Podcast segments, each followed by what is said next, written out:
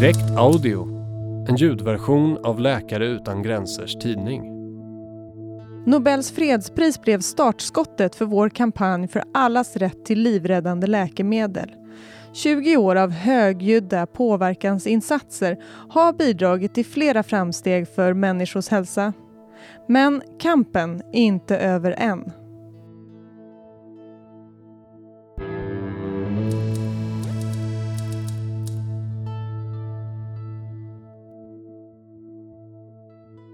Tänk dig att du blivit allvarligt sjuk och att det inte finns någon behandling mot sjukdomen som du lider av.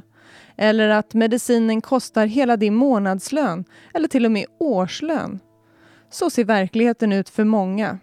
När Läkare utan gränser tilldelades Nobels fredspris 1999 beslöt man att prispengarna skulle användas till att starta en kampanj för att ändra på den här orättvisan under parollen Läkemedel ska inte vara en lyxvara. Våra fältarbetare hade länge sett att människor inte fick tillgång till läkemedel på grund av hur den medicinska marknaden fungerar, säger Access-kampanjens första ordförande Bernard Pekul. Vi var frustrerade och förtvivlade över att inte kunna erbjuda patienter den behandlingen som de behövde. Som i Uganda, där Bernard själv arbetade som fältläkare under 1990-talet. Fler och fler patienter med sömnsjuka dök upp på våra kliniker. Men det enda läkemedlet vi hade att tillgå innehöll arsenik. Och det var så smärtsamt att behandlas med att de sa att det kändes som eld i venerna. Personalen de försattes i ett moment 22. Medicinen ledde ju till att var tjugonde patient avled. Fast utan behandling så är ju sömnsjuka 100% dödligt, säger Benad. Ett fungerande läkemedel mot sömnsjuka hade slutat säljas på grund av att det inte var lönsamt nog. Och under ett besök i USA så såg Bernard en tv-reklam för hårdborttagningsmedel. Det preparatet det innehöll efloretin. Det är samma ämne som effektivt kan behandla sömnsjuka. Det var så ironiskt. Det fanns ingen behandling för människor som riskerade att dö. Men läkemedlet det kunde köpas som en kosmetisk produkt. Läkare utan gränser hade tidigare talat ut offentligt om humanitärt lidande som orsakas av stater eller väpnade grupper under exempelvis Balkankriget eller folkmordet i Rwanda. Men nu, för första gången, så tog vi oss an läkemedelsindustrin. Vi tipsade alla stora tidningar och tv-kanaler om fallet kring sömnsjuka och vi fick genomslag i både New York Times och CBS 60 Minutes, säger Bernard. Och det var början på en lång process som skulle leda till en betydande förbättring av sömnsjukebehandling. Kampanjens medarbetare hängav sig också åt att studera läkemedelsindustrin och den internationella politiken som omger 16. Och ju mer vi lärde oss, desto mer så insåg vi att det var inte tekniska eller vetenskapliga begränsningar som gjorde att människor inte fick sin medicin, utan snarare medvetna politiska och ekonomiska val, säger Bernard. Men vilka hinder kan det då handla om? Och läkemedelsbolaget med patent på en viss medicin kan ha satt ett så högt pris på den att människor helt enkelt inte har råd. Och patent på läkemedel är ofta långa, över 20 år. Och under den tiden så hindras andra tillverkare från att producera billigare kopior. Mot en del sjukdomar så existerar inte ens någon behandling. Och för andra finns det bara gamla och ineffektiva mediciner med svåra biverkningar. Det kan bero på att preparat slutat säljas eller att det inte forskats tillräckligt kring sjukdomen i fråga. Huvuddelen av medicinsk forskning och utveckling det är inte anpassat till den medicinska och sociala miljön som flertalet människor i Asien och Afrika lever i, säger infektionsläkaren Per-Olof Persson. När de drabbade inte har tillräckligt med ekonomiska resurser så finns det inte heller några incitament för den vinstdrivna läkemedelsindustrin att satsa på deras sjukdomar. Per-Olof Persson han var den första svenska läkaren att ställa en aids-diagnos när han arbetade vid eh, Roslagstulls sjukhus i Stockholm under 80-talet. Där började hans livslånga engagemang kring hiv som så småningom skulle föra honom till uppdraget att leda Accesskampanjen i Sverige. Han berättar att det var ilskan som drev honom.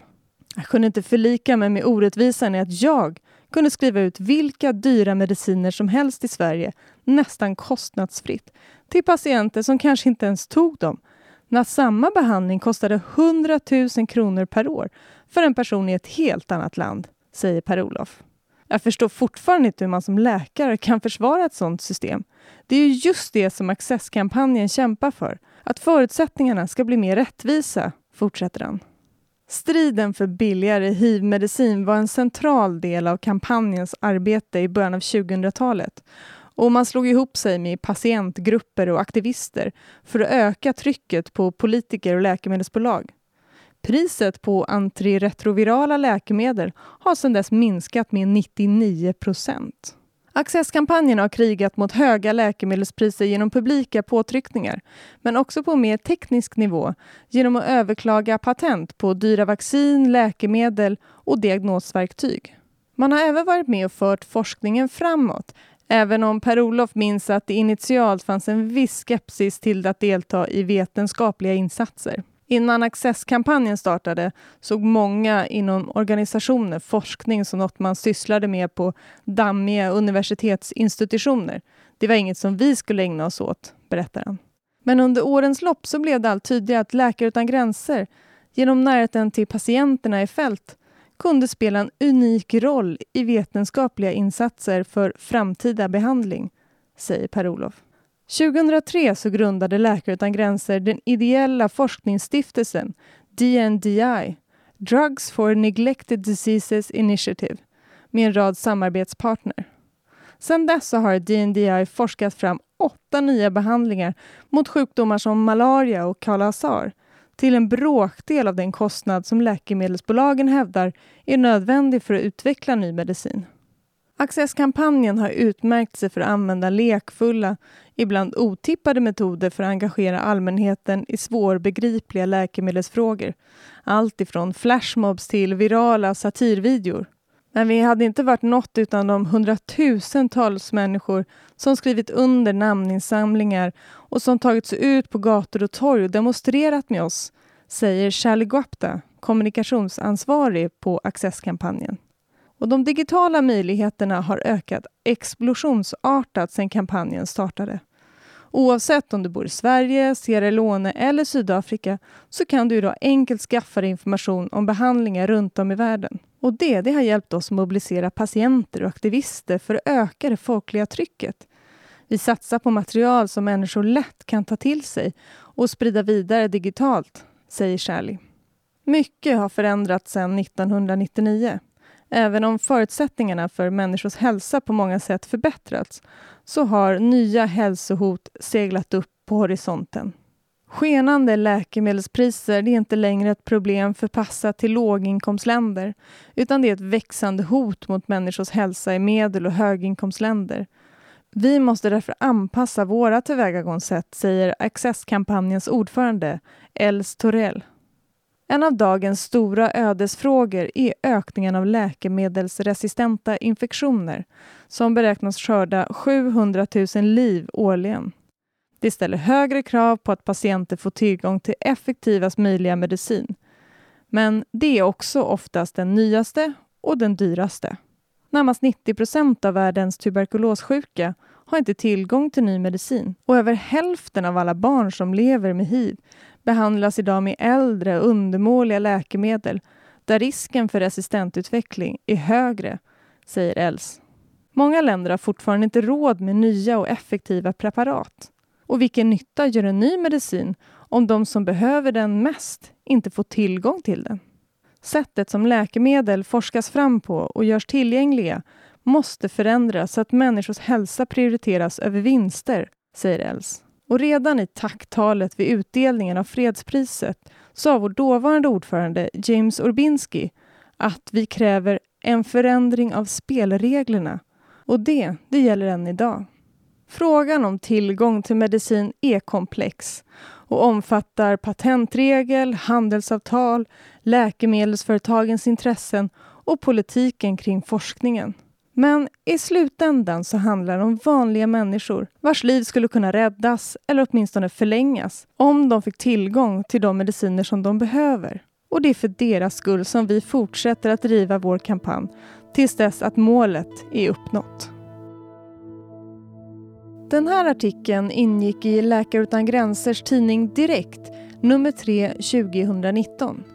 Artikeln är skriven av Sanna Gustafsson och jag, jag heter Katinka Agneskog. Du hittar fler inläsningar om du söker på direkt audio på plattformarna Soundcloud, iTunes, Acast, TuneIn med mera. Du kan ladda ned pdf-tidningen till din dator eller surfplatta på vår hemsida www.lakareutangranser.se. Sök på direkt så hittar du hela vårt tidningsarkiv där. Tack till Bjarki Kaikomo för musiken. Ansvarig utgivare är Oliver Schultz.